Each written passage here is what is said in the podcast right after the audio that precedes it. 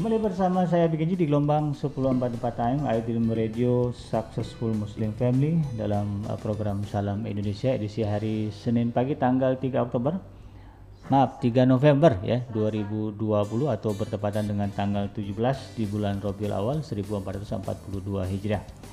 Sahabat Dream sekalian yang dirahmati Allah Subhanahu wa taala, tidak lupa saya doakan semoga berbagai aktivitas yang Anda kerjakan di kesempatan pagi hari ini Allah berikan kelancaran dan kemudahan dan seperti yang saya janjikan bahwa di jam 9 ini kita akan uh, kedatangan tamu ya dari Dinas Kesehatan Kota Depok yang akan sama-sama kita mendengarkan dari narasumber kita terkait dengan informasi uh, apa DBD ya. Karena memang kita sekarang sudah berada di musim pancaroba dari musim kemarau masuk ke musim hujan. Biasanya ini uh, jentik-jentik nyamuk ya sudah mulai berkeliaran jadi sekarang kita menghadapi situasi yang juga harus was kita waspadai ya selain pandemi Covid-19 uh, eh, demam berdarah juga adalah penyakit yang mematikan yang memang tidak bisa dianggap sepele. Untuk itu penting bagi kita sahabat sekalian yang dirahmati Allah di mana pun anda berada.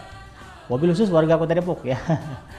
Ini agar kita sama-sama aware dan peduli bagaimana dan mengetahui kita kita tahu dulu nanti terus uh, kita akan tanya kepada narasumber kita bagaimana mencegah uh, atau juga mungkin mengobati dan sebagainya uh, jika memang kasus demam berdarah ada di uh, wilayah uh, tempat Anda berada. Baik, kita langsung menuju ke narasumber kita uh, dari Dinas Kesehatan uh, Kota Depok yaitu Dr. Umi Zakiati. Assalamualaikum Dr. Umi. Waalaikumsalam warahmatullahi wabarakatuh. Uh, gimana kabarnya nih dok? Alhamdulillah baik. Sehat ya. Sehat ya. Ini karena pandemi jadi dokternya wajahnya nggak kelihatan karena pakai masker ya. ya protokol kesehatan iya, ya. Iya betul. Jadi mudah-mudahan uh, kehadiran dokter nanti di sini bisa menjelaskan kepada kita terkait dengan uh, demam berdarah ya atau DPD. Baik uh, dokter, ini kalau tidak salah ini dokter uh, kepala P2P Dinkes Kota Depok ya. Iya. P2P itu apa sih? Uh, pencegahan dan pengendalian penyakit. Oh, itu tugasnya apa tuh? Jadi ya ruang lingkupnya lumayan banyak ya ah. terkait penyakit. Jadi hmm. bagaimana penyakit itu khususnya yang menular ah. maupun tidak menular ah. itu bisa kita lakukan pencegahan okay. dan kemudian kita kendalikan sehingga jumlahnya tidak terlalu tinggi oh, seperti itu. Gitu ya. Jadi betul-betul ada bagian di dalam dinas kesehatan yang apa namanya berupaya untuk mengawal berbagai penyakit yang sifatnya yeah. menular gitu ya. Yeah. Baik. Uh, baik uh, sahabat Adrim sekalian dirahmati Allah Subhanahu wa taala, kita akan berbincang lebih jauh, lebih dalam dengan narasumber kita Dr. Uh, Umi Zakiati dari P2P Dinkes Kota Depok ya. Uh, tentu kita akan berbicara secara detail tentang masalah demam berdarah. Dok, kalau boleh saya tahu nih kalau misalnya ada orang awam bertanya, apa sih DBD itu? Bisa dijelaskan? Ya, mungkin sekilas ya tentang penyakit DBD. Jadi memang dia penyebabnya adalah virus dengue. Hmm. Kemudian dia ditularkan melalui vektor ya. Vektornya di sini adalah nyamuk. Hmm. Nyamuknya itu jenisnya Aedes, bisa Aedes aegypti dan juga Aedes albopictus. Ada dua jenis. Kemudian kalau dari gejalanya itu seperti penyakit virus lainnya. Jadi biasanya kalau penyakit virus lainnya itu ada demam yang sifatnya mendadak atau yeah. akut. Uh. Itu bisa berlangsung dari 2 sampai 7 hari. Kemudian ada gejala penyerta lainnya seperti nyeri kepala atau nyeri di persendian dan juga bisa disertai juga eh, gejala-gejala uh, uh, di pencernaan, gangguan pencernaan. Hmm. Nah, kalau sudah seperti ini gejalanya biasanya kita juga harus uh, waspada ya salah satu penyebabnya bisa uh, demam berdarah ini. Kemudian kalau dari pemeriksaan penunjang atau labnya itu bisa dilihat ada penurunan trombosit. Uh, tidak hanya penurunan trombosit tapi juga ada uh, seperti pengentalan ya. Jadi ada indikator yang namanya hematokrit hmm. itu dari nilai normalnya itu bisa lebih dari 20% karena dalam di DBD ini ada uh, apa namanya keluar ya plasma darah itu dari uh, pembuluh darah ya karena ada reaksi dari virus ini oleh daya tahan tubuh kita sebenarnya tapi itu menyebabkan cairan plasma darah itu keluar sehingga tadi hematokritnya meningkat. Mungkin itu sih gambaran besarnya hmm. terkait penyakit ini. Kalau uh, berbicara resiko, apakah ini penyakit yang betul-betul berbahaya sampai bisa menimbulkan kematian? Ya, uh, di kota Depok ya untuk angka-angka kematiannya memang kecenderungannya uh, fluktuatif memang ya tapi uh, terakhir kemarin ada tiga kasus meninggal terakhir, ya, ya. terakhir ya di tahun ini. Nah ini juga harus menjadi perhatian kita semua gitu hmm. ya karena kalau sebenarnya virus itu kan penyakit yang self limiting disease ya artinya bisa dengan daya tahan tubuh okay. kita uh, disembuhkan. Hmm. tapi kalau gejalanya itu uh, sangat parah sehingga daya tahan tubuh kita tidak bisa mengontrol atau menyembuhkan nah ini bisa menjadi penyebab kematian hmm. uh, uh, jadi uh, angka kasus karena kita daerah endemis ya. Hmm. Kemudian masih banyak penduduk yang juga perumahannya padat hmm. atau kumuh. Ini adalah tempat-tempat yang sangat mudah terjadi penularan uh, penyakit DBD ini karena faktornya kan tadi nyamuk nih. Hmm. Nah, nyamuk itu kan gampang ya tumbuh ataupun berkembang biak hmm. di tempat-tempat daerahnya yang padat apalagi yang uh, apa kebersihannya, lingkungannya kurang hmm. bagus itu juga jadi uh, faktor risiko ya untuk berkembangnya vektor hmm, iya, tersebut. Iya. Kalau berbicara, misalnya orang pengen tahu uh, ini sebetulnya penyakit ini kan dari tahun ke tahun tuh selalu kita dengar tuh. Iya. Kalau berbicara waktu dan tempat, uh, itu sebetulnya kapan sih uh, demam berdarah ini muncul di satu daerah? Iya biasanya dia uh, kalau kita lihat jadi kalau di P2P itu ada namanya surveillance ya uh. surveillance itu mengamati mengata, mengamati uh, kenaikan atau penurunan uh, penyakit hmm. yang terjadi di hmm. kota Depok hmm. uh, nah ini kalau kita lihat peaknya atau puncaknya itu biasanya saat menjelang musim hujan ataupun nanti setelah menjel, uh, dari musim hujan ke musim kemarau oh, gitu. seperti itu ya karena kalau uh, masa apa namanya perpindahan musim itu kan biasanya hujan kemudian panas. Nah, ini kan banyak air-air um, yang tertampung ya di tempat-tempat mungkin yang uh, tidak bisa atau masyarakat jadi tidak perhatian untuk membersihkannya misalnya. Nah, iya. ini jadi apa namanya faktor risiko. Nah, ini biasanya akhir tahun atau nanti di awal tahun. Hmm. Seperti itu.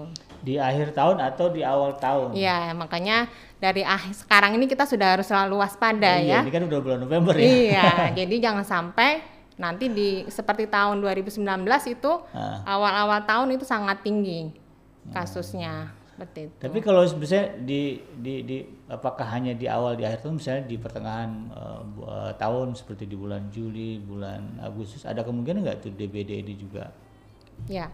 Kalau Depok itu saat ini memang sebagai kota yang endemis ya. Okay. Kalau endemis itu bisa sepanjang tahun ada kasusnya. Hmm. Ya, tapi kalau melihat grafik ya, grafik uh, yang kita amati uh-uh. memang ada pik-piknya ya hmm. karena memang tadi sangat berpengaruh juga dari cuaca atau iklim hmm. itu nah itu kita amati sekitar uh, akhir akhir atau awal. tahun atau awal nah Jadi ini jarang terjadi di pertengahan tahun ya gitu. tetap ada sih kasusnya tapi yeah. tidak terlalu tidak tinggi, tinggi lah, ya. ya tetap ada karena kita karena kan dia berpengaruh dengan cuaca ya betul uh, peralihan dari musim hujan ke musim kemarau atau dari musim kemarau ke musim hujan ya. Ya. jadi dua itu dua gerbang puncak puncaknya puncak ya puncaknya Uh, kalau di dipetakan di Depok yang paling rawan di mana itu? Yang biasa sering ada kasus? Sebenarnya sih merata ya, ah, oh, merata oh, ya, merata. Tapi memang uh, mungkin di beberapa wilayah yang memang padat hmm. ya atau yang ada perumahannya kumuh, nah itu yang biasanya jadi tempat paling banyak kasusnya ya. Oke, okay, siap. Nah kalau kalau kalau berbicara ini kan penyakit mematikan juga kan iya. gitu ya kemudian juga gampang menular yeah. apalagi di daerah-daerah yang kotor kumuh kemudian kebersihan kurang terjaga jadi kalau berbicara secara umum uh, bagaimana upaya kita untuk mencegah supaya tidak terjangkit penyakit demam berdarah ini gimana dok? Ya.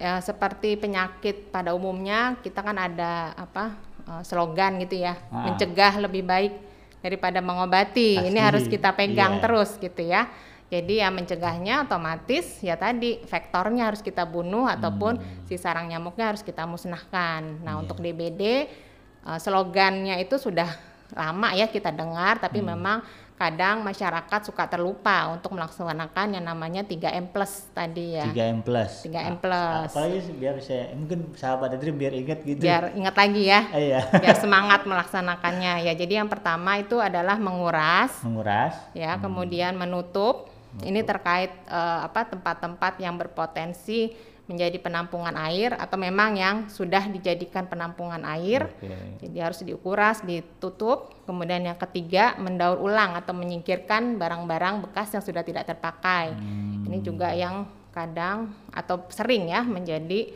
tempat sarang nyamuk. Hmm. Nah, plusnya ini adalah uh, finalisasi atau misalnya pelengkap keseluruhan ya. Jadi berantas jentiknya. Kemudian hindari dari gigitan nyamuknya. Oh, iya. berantas ya. berantas jentik-jentik nyamuknya dan hindari gigitannya. Kalau untuk memberantasnya gimana dok? Ada ada obatnya, ada caranya? Ya, kalau jentik itu kan larva ya, biasanya oh. nih yang uh, apa harus kita lakukan juga. Jadi kita biasanya ada uh, pembasmi larva yang biasa disebut abate. Abate. Abate. Itu untuk yang secara kimia, tapi sebenarnya hmm. dengan 3M di atas tersebut yang hmm. sudah dilakukan itu akan memberantas jentik juga ketika kita menguras, oh, iya, iya. iya. menutup hmm. gitu ya. Tapi plus tadi kalau untuk tempat-tempat tertentu yang mungkin tidak bisa secara rutin dilakukan hmm. ya karena mungkin di kontainer air yang besar itu kan mungkin susah untuk ininya tapi nggak bisa ditutup rapat hmm. misalnya atau untuk menjaga lebih baik ya itu bisa diberikan abate atau pe pembasmi dari jentik nyamuk tersebut. Untuk gitu. abate sendiri kalau masyarakat awam memperoleh gimana? Apa harus ada ada disediakan informasi atau puskesmas atau juga mungkin uh, pemerintah memang ada program menyalurkan abate ke masyarakat? Ya.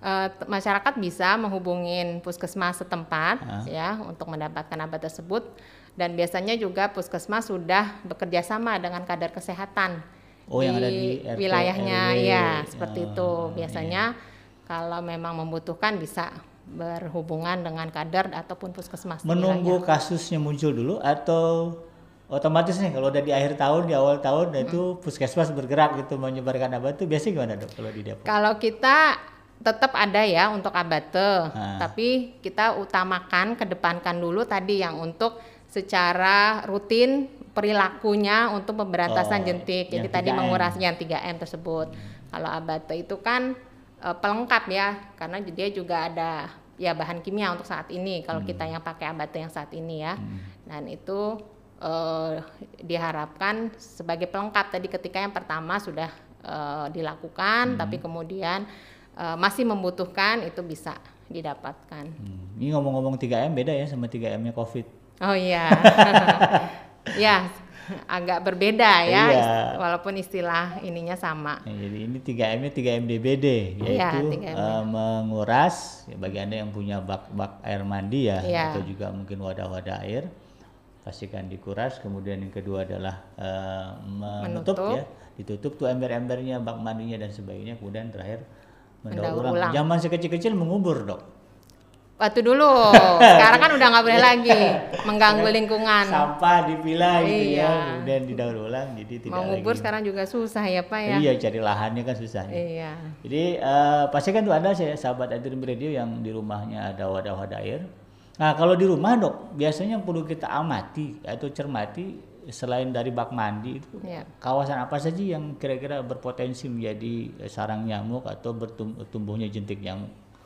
Uh, banyak ya seperti uh, vas-vas bunga kalau oh, ada yang oh, suka ya yeah. bunga hidup uh. gitu kalau uh, tidak apa namanya tidak sering dirutin dibersihkan atau diganti airnya hmm. uh, setiap seminggu sekali itu bisa jadi sarang jentik nyamuk kemudian di bawah uh, lemari es kalau yang model lama oh iya iya ada tampungan masih airnya. tampungan airnya. Oh. nah itu juga suka lupa. Atau hmm. mungkin di uh, dispenser. Spencer di itu tuh di tampungannya. yang bawah kan suka ada tuh. untuk air, kalau anak-anak kurang iya. air, ya. itu juga harus selalu dilihat. Kemudian kadang juga di minuman ini binatang ternak. Kalau yang punya itu ya punya misalnya burung. peliharaan iya ya, peliharaan burung, burung ayam nah itu juga harus kalau di akuarium nggak mungkin ya akuarium ada ikannya. ikannya makan jentiknya ya. Iya. Nah kalau itu betulan dok di eh, di perumahan saya itu tepat di belakang rumah saya itu ada kolam renang. Hmm. Kalau kolam renang itu berpotensi nggak tumbuh jentik-jentik nyamuk?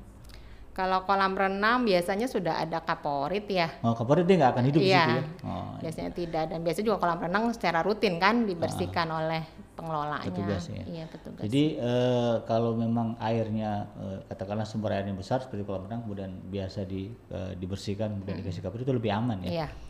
Nah, kalau sungai got selokan gitu? Uh, tipe dari apa? si vektor atau si hmm. nyamuk ini hmm. dia mem uh, lebih senang di air yang tenang jadi tidak mengalir hmm. gitu kalau sungainya mengalir bersih hmm. bagus itu mungkin bisa uh, dia tidak mau tidak, hidup di situ okay. ya tapi kalau gotnya menggenang itu bisa jadi potensi berkembang biakan nyamuk makanya uh, kita himbau lah masyarakat hmm. saat ini udah mulai hujan mungkin saluran-saluran air yang agar ada mampet, ada sampah itu segera dibersihkan sehingga airnya bisa mengalir dengan baik. Hmm. Itu. Di talang rumah juga jangan lupa tuh. Oh iya, kadang-kadang tuh kan Iya, suka ada kan yang tidak posisinya udah nggak bagus lagi uh. atau ada sampahnya yang meng menghambat. menghambat. Nah, itu suka ada genangan air, nah itu suka yang itu juga wajib jadi dicek berarti ya. Iya. sana-sana begitu kan. Iya. Nah, kalau berbicara penampakannya, Dok, kan nyamuk itu banyak tuh. Kadang iya. di rumah juga kalau lagi musim gitu, Pak, nyamuk itu memang sering gitu ada nggak jam-jam tertentu atau mungkin kalau berbicara penampakannya dulu jenis nyamuk itu seperti apa kalau misalnya kita hmm. tangkap ke tangan kita itu penampakan seperti apa dan kalau misalnya adakah jam-jam tertentu yang nyamuk ini muncul gitu ya memang e, jenis nyamuknya punya karakter ya karakter hmm. khusus ya untuk jam e, nyamuk Aedes aegypti ini hmm. bentuknya itu mungkin secara e, awam ataupun masyarakat bisa melihat bahwa dia ada belang-belangnya ya. Jadi ada putihnya, jadi dia hitam. Kemudian ada belang-belangnya. Di uh, di ininya. Perut, tubuh? Di toraksnya ya kalau kita bilang. Oh di dadanya. Di dadanya ya. hmm. ya. Jadi ada. Bukan di ininya dok? Apa di kaki, di perutnya? Di gitu? kaki juga. Cuma kalau di kaki kan karena kecil ya. Oh, nggak kelihatan. Nggak kelihatan. Tapi memang secara sepintas bisa kelihatan belang-belangnya itu ya putih jadi memang dia berbeda dengan tipikal nyamuk biasa ya. Iya. Jadi memang kelihatan tuh kalau udah belang-belang itu positif itu denggi. Iya, kalau yang tidak belang-belang itu nyamuk kuleks ya, hmm. yang lain hmm. penyebab malaria hmm. itu yang tidak belang-belang. Okay. Kalau Aedes ini yang belang-belang ya. Kalau terkait bilang. ada nggak kebiasaannya di jam-jamnya atau mungkin setiap jam ada aja tuh nyamuk misalnya? Uh, dia sih aktifnya memang ada di jam tertentu, dia jadi pagi antara hmm. jam 9 sampai jam 10. Jam 9 sampai jam 10? Iya, kemudian sore ya, jam 15 sampai jam 16 sore. Sejam itu ya? Iya, di jam kurang 9 lebih. jam 10 iya, atau di jam 15 sampai jam 16 sore. Iya. Di luar itu kemungkinan dia tidak akan muncul. Iya, jadi dia tidak terlalu aktif ya di luar jam itu. Hmm. Jadi aktif menggigit. Alasannya apa tuh kalau boleh tahu? Atau ada yang dipelajari kenapa kok munculnya di jam itu aja gitu? Itu ilmu tersendiri ya, ilmu entomologi ya. itu jadi ahli nyamuk gitu ya. Tapi memang itu sudah diamati oleh ahli-ahli entomologi ah. namanya. Memang perilaku si nyamuk Aedes ini seperti itu. Jadi ah. makanya ketika penyemprotan atau fogging uh, diharapkan di antara jam tersebut sehingga oh di jam memang, di jam 8 eh di jam 9 sampai jam 10 iya, atau di jam 16 eh 15 sampai jam iya, 16. seperti itu sehingga ketika nyamuknya aktif keluar kan dia hmm. jadi langsung kena nggak ngumpet istilahnya iya, gitu. Iya, iya. Jadi, kena asapnya. Jadi ini eh, satu ilmu lebih. juga kalau mau fogging. Nah, ngomongin fogging apa memang efektif itu untuk mencegah? Jadi kalau fogging itu ada rekomendasinya. Ah. Jadi ketika ada uh, di satu wilayah nah. ada terlaporkan pasien DBD. Oh, okay. Nah, itu akan dilakukan ditindaklanjuti oleh petugas puskesmas hmm. ataupun kader yang yang memang sudah dilatih hmm. untuk dilakukan namanya PE penyelidikan epidemiologi. Hmm. Nah, di sini petugas akan turun ke lokasi pasien tersebut, hmm. akan dilihat uh, apa namanya apakah benar dia uh, sakitnya DBD ya, hmm. mungkin ada surat-surat keterangan dari Fasiankes fasilitas kesehatan tempat berobat. Kemudian juga harus dilihat apakah di sekitarnya juga ada penderita DBD ya atau penderita demam yang tidak belum jelas penyebabnya. Oke, demam belum jelas ya. ya. Sekarang kan demam nih gini, ada bisa jadi COVID, bisa jadi flu. Kalau sekarang itu tapi bisa jadi tipes. Iya, ya. tapi tetap kita jadi tetap harus kita data ya, okay. karena uh, sebelum dipastikan itu DBD kita harus anggap itu DBD dulu Ah. ketika melakukan PE ya.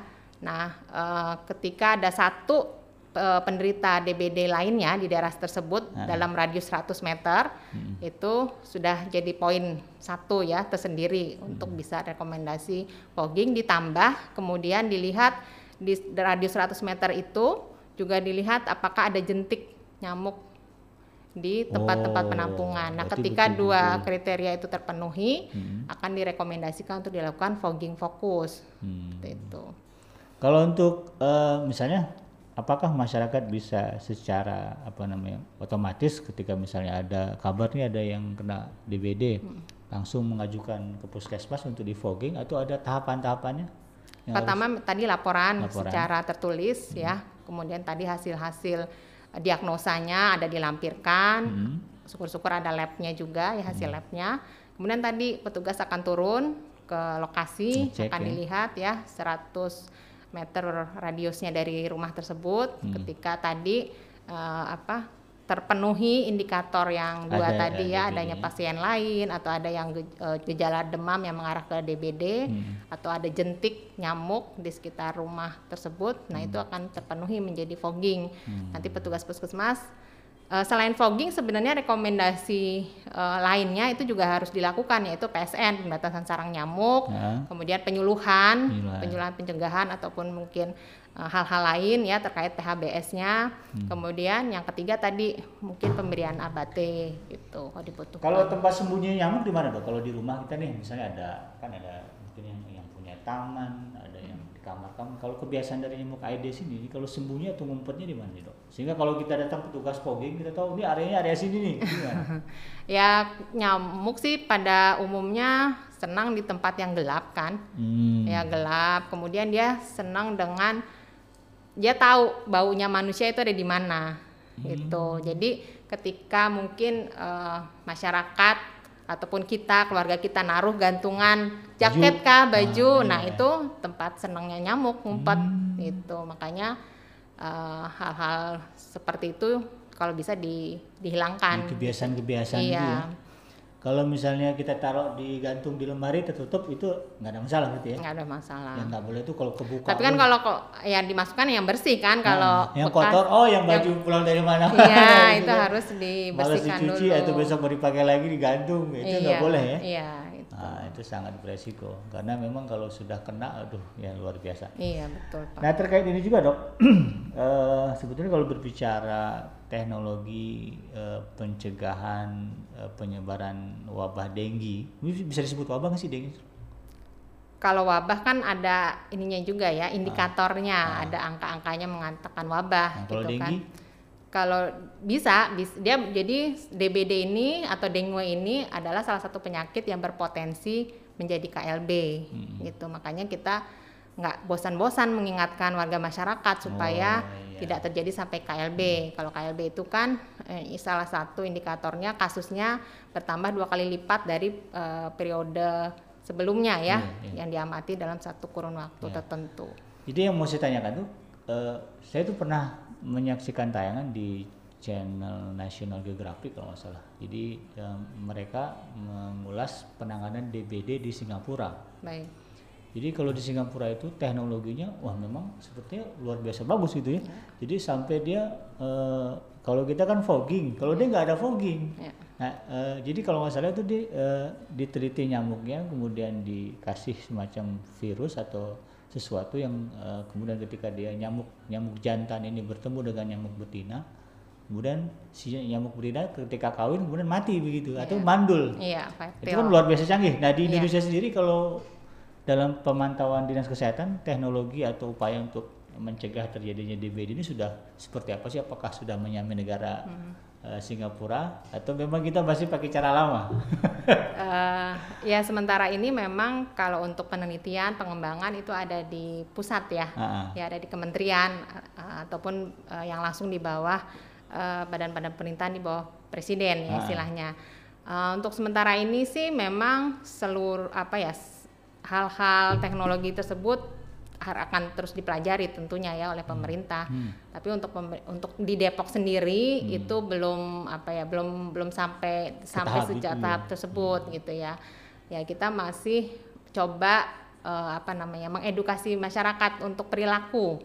Hmm. Ya kan artinya sebenarnya uh, penyakit ini kan tergantung dari uh, apa namanya hostnya, hmm. orangnya hmm. ya kan, kemudian lingkungannya hmm. ya kan Eh, dan hal lain yang uh, menjadi faktor resikonya gitu. Hmm. Ketika hostnya ini perilakunya belum baik, hmm. belum menerapkan perilaku hidup bersih dan sehat, ya otomatis ya uh, apa namanya teknologi apa pun istilahnya untuk intervensi ketika perilakunya ini masih ada potensi ya hmm. untuk uh, adanya timbulnya suatu penyakit itu sih. Ini pertanyaan awam lagi nih dok. Seandainya saya digigit nyamuk, wah saya tepok nyamuknya belang. Ini perlu panik nggak? Atau apa yang harus kita lakukan? Kalau ketahuan ini nyamuknya nyamuk belang nih, Ya. Jadi uh, timbulnya suatu penyakit ini nggak kalau orang Jawa bilang nggak ujuk-ujuk gitu oh, ya, nggak gitu, tiba-tiba iya. gitu ya gigit nyamuk langsung ini ada sebabnya. Jadi ah. pertama ya tadi untuk DBD itu harus ada virusnya, hmm. harus ada vektornya dan ada manusianya gitunya hmm. yang yang yang sakit yang jadi sumber penularannya. Jadi ketika di sekitar kita ada yang sakit, kemudian dia tergigit nyamuk Aedes aegypti akan hmm. masuklah si virus ini ke dalam tubuh nyamuk hmm. tersebut. Nah, hmm. kemudian ketika nyamuk yang sudah mengandung virus ini menggigit orang sehat, hmm. nah barulah orang sehat tersebut uh, kena masuk virusnya dan ini pun tergantung daya tahan tubuhnya. Oh. Seperti itu juga. Apakah bisa apa melawan si virus hmm. ya kan sehingga virusnya tidak menimbulkan gejala hmm. atau uh, daya tahan tubuhnya kurang sehingga timbul gejala hmm. gitu. Saya mau tanya nanti terkait dengan ciri ciri orang kalau uh, katakanlah simptom-simptom ya. yang uh, bisa dikenali bahwa ini DBD atau tipes atau yang lainnya gitu ya. ya Tapi nanti uh, dokter jawabnya setelah kita jeda. Baik sahabat Adrim yang dirahmati Allah Subhanahu wa taala. Uh, saya akan kembali usai jeda berikut ini. Namun bagi Anda yang nanti ingin bertanya kepada narasumber kita yaitu Dr. Umi Zakiati terkait dengan uh, masalah DBD ini ya. Uh, dari hulu ke hilir ya Anda bisa bertanya ke nomor WhatsApp di 0822 9881044 ataupun bagi Anda yang uh, menyaksikan kita melalui channel YouTube Anda bisa langsung menulis pertanyaan di kolom komentar dan insya Allah nanti di sebatas waktu yang uh, narasumber kita sediakan kita akan bahas, kita akan coba uh, diskusikan bersama-sama. Jangan ke mana-mana, tetaplah bersama saya Bikenji di 1044 Time, iDream Radio, Successful Muslim Family.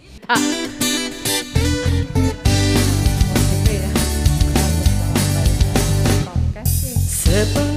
Kembali bersama saya Abi Kaji di gelombang 1044 Time iDream Radio Successful Muslim Family dalam program Salam Indonesia dan uh, kita berada di hari Senin ya tanggal uh, eh, 3 November 2020 atau bertepatan dengan tanggal 17 Rabiul Awal 1442 Hijriah dan kita melanjutkan uh, diskusi kita dengan narasumber dari uh, Dinas Kesehatan Kota Depok yang diwakili oleh uh, Kepala Bidang P2P yaitu Dr. Umi Zakiati. Tadi kita sudah bahas uh, cukup panjang ya terkait dengan DBD, tetapi masih ada lagi bahasan-bahasan lain yang akan kita kumpas tuntas sampai jam 10 waktu Indonesia bagian barat. Jadi bagi anda sahabat iDream Radio di mana pun anda berada yang ingin mengetahui secara detail ya terkait dengan DBD ini dan penanganannya seperti apa, anda bisa langsung bertanya melalui, nomor WhatsApp di 08229 888 1044 atau Anda bisa langsung bertanya di kolom komentar. Nanti kita akan bacakan untuk sama-sama dibahas ya di uh, kesempatan ini. Baik, uh, kita kembali ke narasumber kita Dr. Umi Zakiati. Dok, uh, terkait dengan ini nih. Seandainya saya punya tetangga, tetangganya itu nggak aware gitu dengan kondisi kebersihan lingkungannya. Misalnya dia punya air yang tergenang, kita uh, mau negur nggak enak, kemudian uh, pastilah ya nyamuk, jentik nyamuk tumbuh gitu kan. Nah ini ada nggak uh, tindakan hukum atau sanksi hukum atau bagaimana apa seharusnya yang bisa kita lakukan? Ya. Uh, ya mungkin pertama pastinya harus dilakukan edukasi sosialisasi ya nah.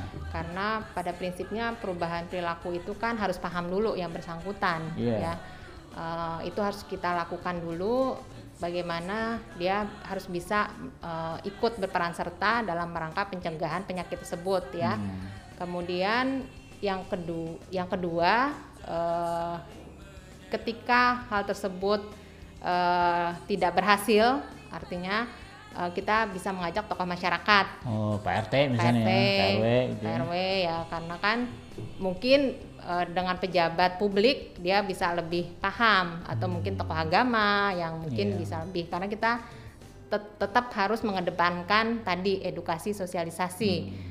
Uh, setelah itu uh, tapi kalau untuk saat ini memang kita sadari gitu ya untuk penegakan sanksi, sanksi. secara hukum itu memang belum dilakukan. Nah, belum ya. ada undang-undang juga ya? Kalau undang-undang secara besarnya mungkin undang-undang wabah ada ya. Ada. Wabah ini undang-undang wabah ini memang untuk uh, pencegahan uh, beberapa, beberapa penyakit yang berpotensi menjadi KLB hmm. ya. Seperti Covid ini itu juga masuk kan di hmm. undang-undang wabah yeah. gitu ya. Nah, uh, harusnya bisa diterapkan gitu ya hmm, harusnya. Tapi kita belum ada. Tapi detailnya belum ada ya. Iya, turunannya untuk di tingkat Kota Depok yeah. mungkin belum. Nah, ke depan mudah-mudahan yeah. Insya Allah bisa. Mungkin karena kita belum mengalami pandemi seperti Covid gitu deh ya. Yeah. Jadi uh, jadi belum belum begitu urgent tapi saya rasa dengan adanya Covid-19 uh, eh, apalagi sudah ada sanksi pidana kan. Yeah. Uh, terkait dengan penanganan uh, wabah Covid-19 saya rasa mungkin nanti yang lain-lain juga akan ngikut karena ya kasihan juga kalau ada tetangga yang tidak aware begitu kan Benar. di depan rumahnya punya anak kecil begitu nah, khawatir juga baik dok kita beralih ke pertanyaan berikutnya ini kira-kira sebagai warga Depok nah, ya. ini apa sih yang sudah dilakukan oleh uh, Pemkot uh, Depok uh, terkait dengan pencegahan uh, penyakit demam berdarah ya. uh, yang tadi dari awal sudah kita sebutkan hmm. kita secara rutin ataupun terus menggiatkan promosi kesehatan ya, hmm. ya terkait pencegahan terutama tadi program 3M hmm. uh, kepada masyarakat uh, harus selalu uh, melakukan 3M ini setiap seminggu sekali karena siklus dari si nyamuk ini kurang lebih 10 sampai 12 hari dari mulai telur sampai menjadi nyamuk Cepet, dewasa. Ya. Jadi sebelum 10 hari itu semua tampungan air yang berpotensi menjadi sarang nyamuk harus kita bersihkan. Hmm. Ya, seperti itu. Hmm. Jadi kita juga sudah punya kader-kader terlatih ya untuk Jumantik Uh, itu Jumantik itu apa singkatannya? juru pemantau jentik. Oke. Okay. Ya, juru pemantau jentik itu ada di setiap uh, eh, RT, RW ya, hmm. kelurahan itu ada. Uh, puskesmas dalam hal ini sebagai yang bertanggung jawab uh, bidang kesehatan di wilayah kerjanya hmm. itu akan selalu aktif ya uh, berkoordinasi atau bekerja sama dengan kader-kader tersebut untuk uh, dalam waktu tertentu melakukan uh, jumantik ini. Hmm. Tapi untuk saat ini pandemi, ya karena pandemi ya, hmm. pandemi, jadi uh, kita buat strategi lain ya. Hmm, apa tuh? Yaitu gerakan satu rumah satu jumantik. Gerakan satu rumah satu, satu jumantik. jumantik. Disingkat jadi Giriji. Giriji. Ya okay. kalau uh, bahasa apa mudahnya itu mungkin giriji ya. Jadi ah. G1 R1J.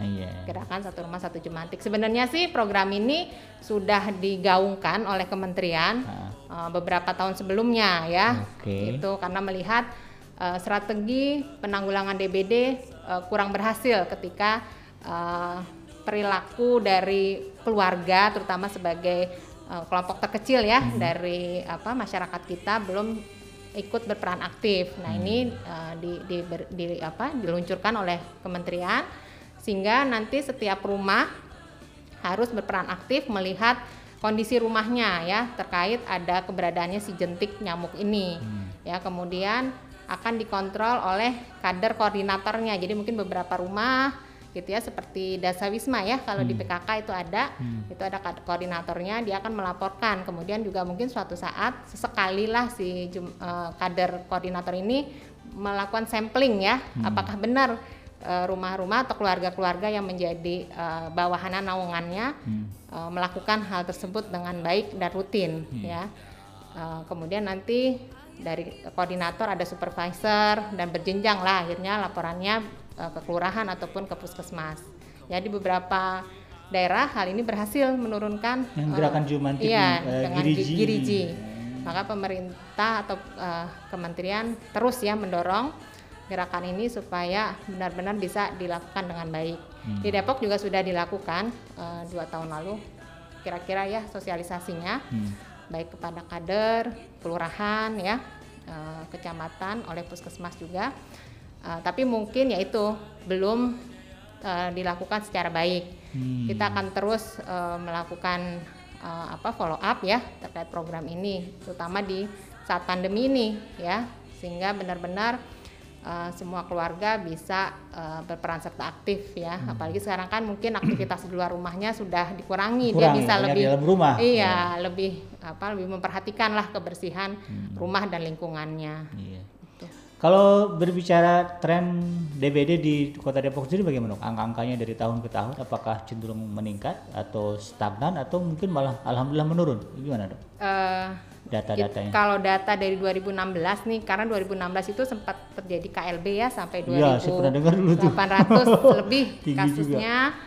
Uh, ya pada saat itu mungkin ke pro, uh, dilakukanlah program-program uh, secara masif ya hmm. untuk pencegahan, kemudian penanggulangan sehingga uh, dua tahun berikutnya itu terjadi penurunan ya oh. dari 2017 2018, 2018 terjadi penurunan angka kasusnya tidak sampai seribu lebih. Hmm tapi mungkin lengah ya mungkin gitu ya uh, sehingga kemudian di tahun 2019 kemarin naik. naik lagi walaupun jumlahnya nggak sampai yang di 2016 hmm. sampai 2000 juga tapi tidak sampai 2800 ya hmm. nah untuk sampai terakhir ini tahun 2020 uh, angkanya memang cenderung naik tapi tidak sampai mungkin sampai akhir tahun ini tidak sampai nembus 2000 ya hmm. gitu jadi artinya ada penurunan kasus di tahun hmm. ini dibanding 2019 kemarin hmm. uh, mudah-mudahan walaupun kita tetap fokus dengan covid iya. DBD tidak menjadi uh, apa namanya terlengahkan ya iya, iya, iya. terkesampingkan gitu jadi kita tetap tetap aware hmm. untuk uh, pencegahan penyakit DBD ini. Kalau angka kematian sendiri di Depok kalau uh, disebabkan oleh DBD yang terkonfirmasi apakah cukup tinggi atau berada di bawah? Untuk tahun ini sih sampai kemarin Oktober ada tiga kasus ya yang, yang meninggal, meninggal, ya, di, meninggal di Kota Depok. Berarti kecil lah ya? Ya kecil tapi kalau ini juga cukup ini ya okay. kita harus waspadai lah gitu ya Pak. Namanya. Nah kalau gini dok, kan kadang-kadang masyarakat tuh bingung membedakan antara gejala tipes, uh, flu demam biasa dengan DBD. Hmm. Ya, uh, kalau ketika dia demam, ketika katakanlah uh, uh, mungkin kan ada masa inkubasi dok ya. Yeah. Berapa lama sih inkubasi? Kalau virus ini 3 sampai 5 hari ya. Oke, okay, 3 sampai 5 hari. Keputusan kita untuk uh, mengecek itu apakah dari awal demam atau tunggu dulu? Uh, kita sarankan ketika demam uh, dua atau tiga hari. Dua atau tiga hari. Ya, itu langsung ke pusat layanan kesehatan. Puskesmas. Ya, puskesmas. Ketika dua hari pertama mungkin bisa diobati sendiri hmm. dengan obat-obat penurun demam biasa yeah. gitu ya, karena banyak penyakit virus yang tadi saya sampaikan sebenarnya hmm self limiting disease iya, ya kan tubuh kita. iya seperti itu tapi ketika sudah lebih dari tiga hari hmm. itu harus dilakukan pengecekan hmm. ya oleh dokter oleh ahlinya ataupun juga pemeriksaan laboratorium hmm. untuk memastikan apakah penyebab demamnya ini karena DBD atau yang lain iya. gitu. kalau berbicara sakit yang disebabkan nyamuk selain DBD apa lagi dok saya dengar ada cikungunya ya. Cikungunya. Itu apakah sama bahayanya atau satu penyakit berbeda atau kurang lebih kelasnya sama? Uh, dia virus dengue juga. Virus dengue juga. Iya, tapi tidak sampai menyebabkan uh, apa namanya uh, potensi pendarahan. Oh, yang mimisan di Iya, ya. dia lebih uh, yaitu dia menyerang yang gejalanya timbul menjadi uh, persendiannya sangat nyeri ya, hmm, nyeri sampai orang kadang-kadang dikatakan lumpuh karena nggak hmm. bisa sanggup berjalan. Nah itu cikungunya yang hmm. parahnya ya.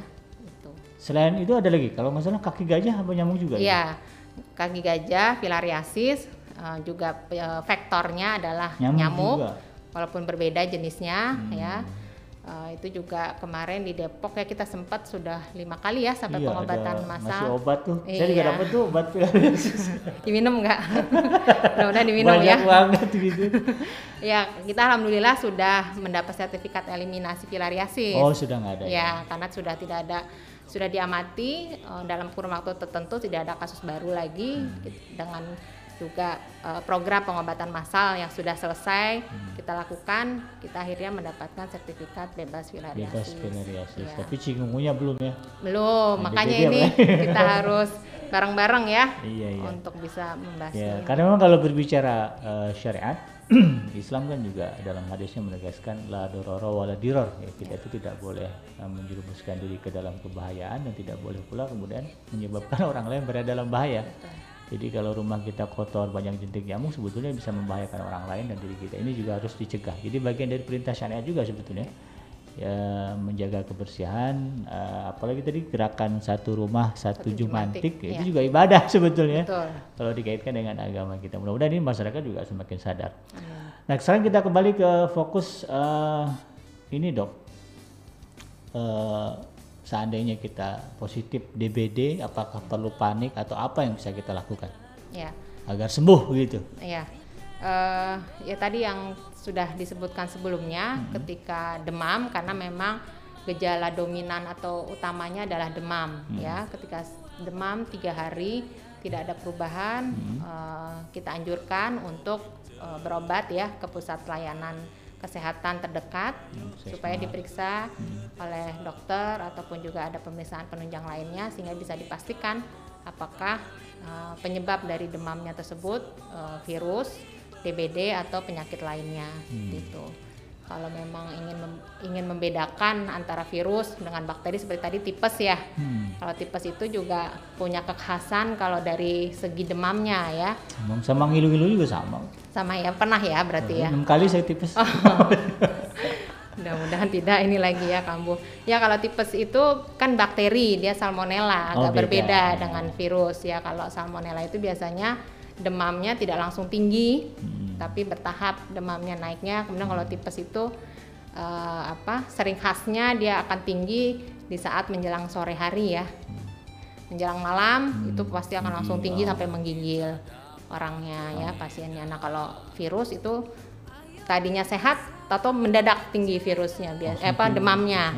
Gitu, iya dan kalau nanti sampai ketika mungkin tidak mendapatkan terapi yang adekuat hmm. itu bisa ada gejala pre-shock ya artinya gini dia sudah menurun demamnya hmm. tapi bukan berarti dia sembuh ya tapi karena tadi ada proses uh, di dalam tubuhnya itu karena apa me, virusnya melawan virus itu uh, terjadi uh, pembuluh darahnya melebar ya hmm.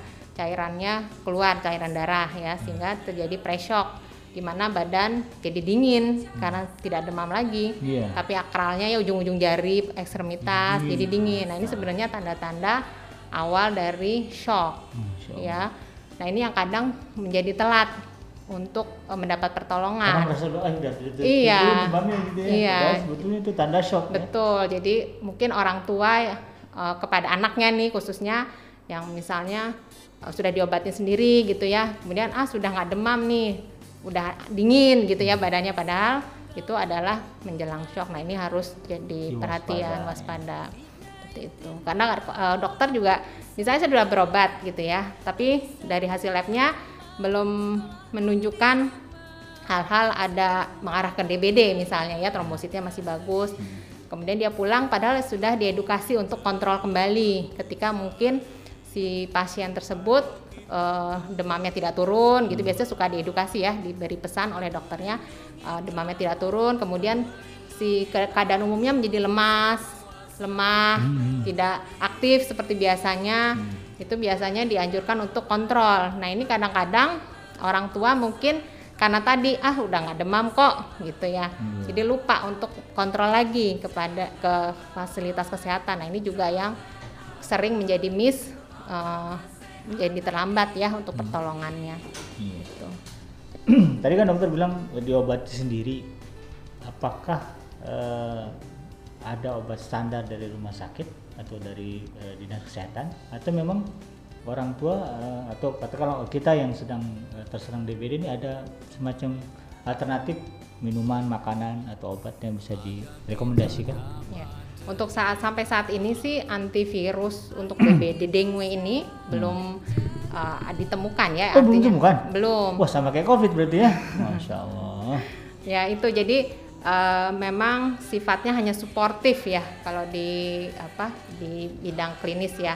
Hmm. Jadi bagaimana kita mensupport supaya daya tuan tubuhnya bagus, bagus, bagus stabil sehingga dengan sendirinya virus dilawan ataupun juga untuk mencegah adanya infeksi sekunder yang memperberat hmm. kondisi umum dari pasien tersebut. Hmm. Jadi makanya ketika ada demam pasti anjurannya obat yang diberikan itu harus diberi minum di, diminum ya yeah. secara teratur sesuai dengan arahan dokter. Nah. Kemudian kedua biasanya banyak minum ya kan arahannya gitu Minumnya ya. Minumnya ada spesifik gak minum air kelapa, minum air biasa? Uh, sebenarnya sih tidak, tidak ada spesifik tapi uh. kalaupun ada apa namanya tambahannya gitu ya, uh, itu dipersilahkan selama okay. tidak mengganggu uh, misalnya punya mah ya ngasem hmm, jangan terlalu asam nggak iya. boleh gitu ya kalau air kelapa dia tidak alergi juga terhadap hmm. minuman tersebut dipersilahkan Oke. yang penting intinya banyak cairan masuk iya banyak cairan masuk prinsipnya hmm. seperti itu Oke. Gitu. kemudian juga makan minumnya juga yang cukup Oke. Gitu.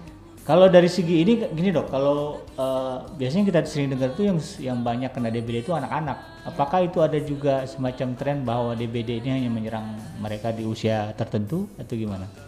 Kalau dari penelitian sih virus ini bisa menyerang siapa saja ya. Walaupun orang tua. Iya, siapa saja bisa terkena hmm. virus ini. Mungkin perilaku anak yang menyebabkan dia menjadi uh, resikonya bertambah besar, mungkin ya. Perilaku seperti apa? Uh, uh, mungkin di jam-jam tersebut jam ya, 9, jam, jam 10, 10 atau jam 15, jam 16. Ya, mungkin uh, kalau misalnya aktivitasnya dia misalnya bermain atau mungkin di sekolah biasanya kalau anak sekolah itu kan di sekolah gitu ya. hmm. ya mereka kurang aware misalnya terhadap hmm. Uh, apa lingkungannya bisa jadi seperti itu hmm, gitu kan sehingga lebih kesannya, kesannya yang banyak diserang tuh anak-anak iya, gitu ya seperti itu lebih kada perilaku karena kan orang tua biasanya di jam segitu kerja ya dan kalau dalam ruangan gitu ya iya kalau kita biasanya lebih aware ya kalau ada nyamuk apa mungkin hmm. uh, semprot-semprot lingkungan hmm. sekitarnya kalau anak kan udah nggak perhatian kalau udah asik bermain misalnya. Anak-anak kan nggak bisa dicegah main dong. Ini untuk mencegah dia jangan sampai kena DBD apa yang orang tua bisa lakukan? Ya itu tadi kalau deng kalau 3M plusnya sudah dilakukan, nah. kemudian mungkin ditambah ketika anak beraktivitas kan itu ada uh, lotion, lotion ya oh, pencegah iya. gigitan nyamuk. Oh. Nah, itu bisa dilakukan atau mungkin ketika balitanya saat itu tidur biasanya kan habis mandi habis sarapan hmm. bayi kita balita kita tuh suka tidur ya misal pakai kelambu oh iya ada kan kelambu untuk bayi bayi ya? bisa seperti itu lebih aman sebetulnya daripada pakai semprotan ya, karena ya? takut ada penapasan penapasan atau alergi ya sensitif gitu. Kalau ketika kita demam apakah langsung harus ke rumah sakit atau coba dulu? Hmm, diobatin sendiri gitu. Bagus ya? Bagusnya. Ya itu yang tadi ya pokoknya Karena dua hari. musim covid dok ini ngeri juga nih kalau ke rumah sakit gitu kan.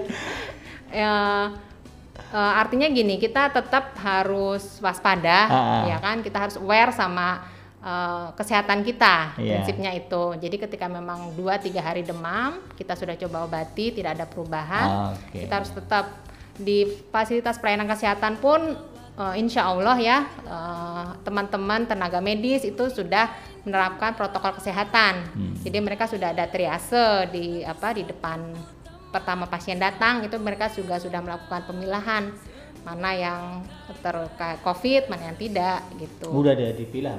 Iya, kemudian juga ya mereka juga dalam melakukan tindakan juga dengan protokol kesehatan, hmm. istilahnya seperti itu. Apakah uh, kan kalau gejalanya sama-sama demam, COVID demam ini demam, ya apakah disuap dulu dok baru ketahuan oh, gimana biar kalau standar puskesmas sekarang lah atau rumah sakit sekarang gimana? Iya uh, itu sudah ada SOP-nya ya ada dari teman-teman medis. Uh, memang uh, semua saat ini karena kita pandemi semua demam itu kita curiga pertama adalah yeah, COVID. COVID, ya. COVID. Kemudian kedua uh, jika ada yang mengarah ke penyakit lain itu akan dilakukan pemeriksaan hmm. terkait uh, apa namanya terduganya seperti apa hmm. gitu kadang orang ada yang takut gitu kan apa-apa covid padahal sebetulnya bukan ini tapi untuk iya, mencegah, mencegah kan jadi dites dulu dicurigai sebagai covid tapi nanti kan melalui proses uh, pemeriksaan uh, detail ya kalau yeah. memang uh, covid ya nanti ada arahnya covid kalau penyakit lainnya tentu tidak akan dibilang covid begitu iya. karena masyarakat takutnya begitu oke okay. uh, saya dengar katanya ini dok ada tanaman yang bisa uh, ditanam di rumah uh, membantu mengusir nyamuk itu betul nggak sih atau bohong Iya betul. Jadi ada beberapa tanaman yang tidak disukai oleh nyamuk Apa? Aegypti. Ya, ya sekarang banyak ya yang golongan apa namanya tuh uh, lavender, Oh, bunga yang bunga bunga, itu ya? iya Ah. itu juga bisa. Kemudian zodia, Ah, Itu jenis apa tuh? eh, seperti rumpun sebenarnya, Serai. Se- serai juga bisa. Atau yang tadi yang dokter bilang itu benar Zo- Zodia, Nah, itu seperti rumput. iya Hmm. itu apa? Ya rumput sih enggak, cuma bentuknya tuh put, apa daunnya panjang-panjang gitu loh. Di di to- toko tanaman bisa ada? Ada. Oh, tinggal bilang aja gitu ya? Iya. Oke. Gitu. Jadi kalau di tempat-tempat yang mungkin gelap, ya di taman pohon-pohon, silahkan ditanam. Jadi cara kerjanya apa sih? Apa karena dari aromanya atau dari apa tuh? Iya, eh, yang sementara ini sih memang aromanya ya. Jadi dia eh, tidak disukai oleh si nyamuk ini, gitu. Hmm. Jadi dia tidak akan eh, berkembang biak di tempat-tempat tanaman tersebut. Siap. Baik, eh, ini jamnya sudah menunjukkan pukul 9 lewat 57 eh, dok, jadi kita tidak bisa lagi mungkin eh, berlama-lama. Namun sebelum kita tutup, eh, mungkin ada yang ingin disampaikan oleh dokter sebagai kepala bidang P2P Dinas Kesehatan Kota Depok kepada masyarakat terkait dengan eh, pencegahan demam berdarah. Silakan dok. Ya, terima kasih eh, atas kesempatannya. Mudah-mudahan eh, warga masyarakat Depok tetap aware dengan eh, kebersihan lingkungan juga dengan eh, kesehatan eh, masing-masing pribadi eh, baik di keluarga ataupun di masyarakat. Kita harapkan kegiatan-kegiatan tadi program 3M dilakukan dari mulai tingkat keluarga sampai lingkungan eh, di eh, masyarakat ya. Tadi 3M-nya mungkin menguras, menutup, kemudian mendaur ulang dan melakukan hal-hal untuk menghindari berkembang biaknya jentik ataupun tergigit oleh nyamuk ya. Kita harapkan juga eh, dengan program gerakan satu rumah satu jumantik warga masyarakat bisa terhindar dari penyakit DBD ini yang ditularkan melalui vektor nyamuk Aedes aegypti. Jika memang ada yang terserang atau mengalami demam, jangan sampai terlambat mendapat pertolongan, segera datangi pusat pelayanan kesehatan eh, di dalam hal ini bisa ke puskesmas terdekat nanti bisa dilakukan penata laksanaan sesuai dengan eh, penyakit yang diderita oleh eh, warga masyarakat ya. Jangan lupa untuk tetap menerapkan perilaku hidup hidup bersih dan sehat ya, makan minum bernutrisi, istirahat cukup ya. Eh, berolahraga dan juga menghindari merokok Hmm. ya, seperti itu jangan lupa. Uh, saya juga ucapkan kepada terima kasih ya kepada iDream Radio, Radio. yang memberikan kesempatan dinas kesehatan untuk memberikan pesan kesehatan kepada masyarakat sehingga masyarakat bisa lebih aware waspada ya terutama khususnya penyakit demam berdarah ini sehingga di tahun-tahun mendatang kita secara bersama-sama bisa menurunkan angka kejadian DBD ini di Kota Depok. Amin ya Allah ya Rabbal Ya, mungkin itu yang bisa saya sampaikan. Mohon maaf jika ada yang kurang berkenan. Mudah-mudahan bisa bermanfaat ya untuk kita semua. Baik, sahabat Adrim yang dirahmati Allah di mana pun anda berada, kita ucapkan terima kasih dan juga jazakillah untuk Dr. Umi Zakiati, eh, Kepala Bidang P2P Dinas Kesehatan Kota Depok yang sudah memberikan kepada kita eh, keterangan ya dan juga penyuluhan terkait dengan masalah penyakit demam berdarah eh, atau DBD ya. Dan ini juga harus menjadi eh, perhatian kita bersama. Mudah-mudahan apa yang beliau sampaikan bisa kita pahami dan bisa kita coba aplikasikan dalam kehidupan kita sehari-hari sehingga kemudian kita bisa terbebas dari ancaman DBD atau demam berdarah denggi.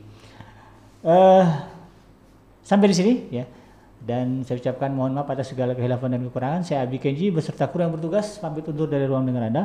Mohon maaf atas segala kehilafan dan kekurangan. Subhanaka Allahumma rabbana wa bihamdika asyhadu an la ilaha illa anta astaghfiruka wa atubu ilaik. Walhamdulillahirabbil alamin. Wassalamualaikum warahmatullahi wabarakatuh.